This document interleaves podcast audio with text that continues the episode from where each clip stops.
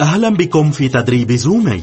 في هذه الجلسة سنتكلم عن بركات الله العظيمة والأعظم والعظمى وكيف يمكنك أن تخبر الآخرين عنها. حين يختار إنسان أن يتبع يسوع كيف يمكنك أن تساعده في السير في ذلك الطريق؟ كيف تساعد هذا الإنسان بأن يصير منتجا في ملكوت الله؟ كيف تساعده في أن ينال البركات التي يريد الله أن يمنحها؟ ابدأ بإخباره هذا بركة أن تتبع يسوع بركة عظيمة أن تقود آخرين لأن يتبعوا يسوع وبركة أعظم أن تبدأ عائلة روحية جديدة والبركة العظمى هي أن تعد آخرين ليؤسسوا عائلات روحية جديدة. اخترت أن تتبع يسوع ولذا باركك الله. أريدك أن تمتلك بركة الله العظيم وبركته الأعظم وبركته العظمى أيضا أيمكنني أن أريك كيف؟ إن كان يريد أن يعرف المزيد فاطلب منه أن يعمل قائمة بأسماء مئة شخص يعرفهم ثم اطلب منه أن يختار خمسة أشخاص لا يعرفون يسوع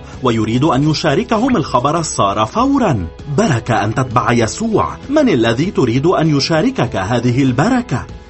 أعلمه أن يشارك شهادته قصة ما يعمله الله في حياته.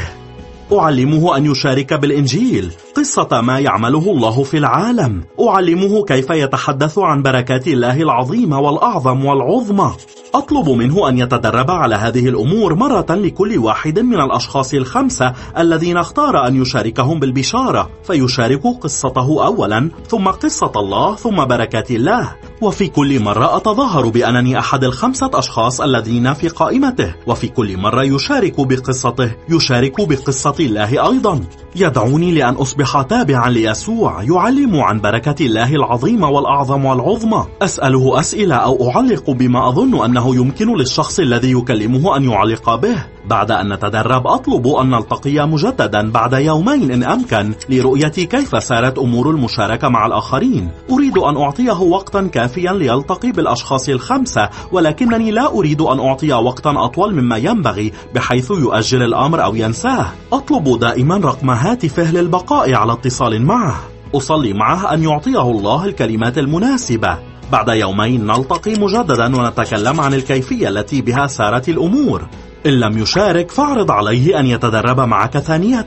أنا أعرض أن أذهب معه إلى الأشخاص الخمسة من يقول إن لديه وقتا. أفعل كل ما أستطيع لمساعدته في أن يبدأ بالمشاركة ولكنني لا أتكلم عن أشياء جديدة. أريد أن أعطيه أفضل فرصة بأن يكون أمينا فيما تعلمه سابقا. إن أبدأ أعذارا اسأل الرب إن كان هذا الشخص تربة جيدة ستكون مثمرة لملكوته. أو إن كان يجب أن أستثمر في شخص آخر. إن شارك بالبشارة نحتفل. وحتى إن لم يؤمن أي شخص من قائمته فأفرح لأنه سمع وأطاع وشارك. هذه أمانة منه. ولأنه كان أمينا بالقليل فإنني أكون فرحا بأن أشاركه المزيد.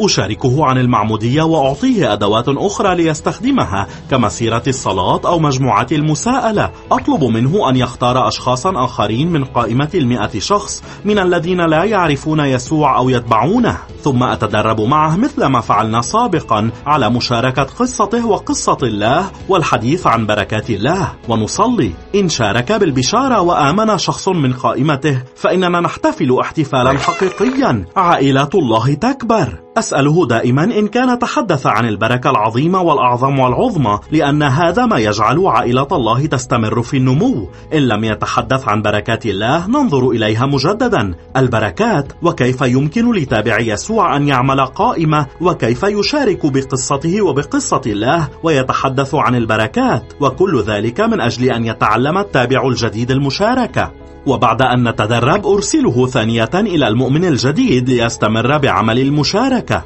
ولكن ماذا يحدث إن شارك بالبشارة وآمن شخص في قائمته؟ وهو الآن يتحدث عن البركات. حين يحصل هذا أفرح فرحا عظيما. هذا الإنسان هو ما تدعوه كلمة الله تربة جيدة. شخص يمكن أن ينمي عائلة الله بطريقة أعظم مما سبق أن رأيت. حين أجد شخصا كهذا أخطط للقاء به بشكل متكرر. أستثمر بقوة بنموه الروحي.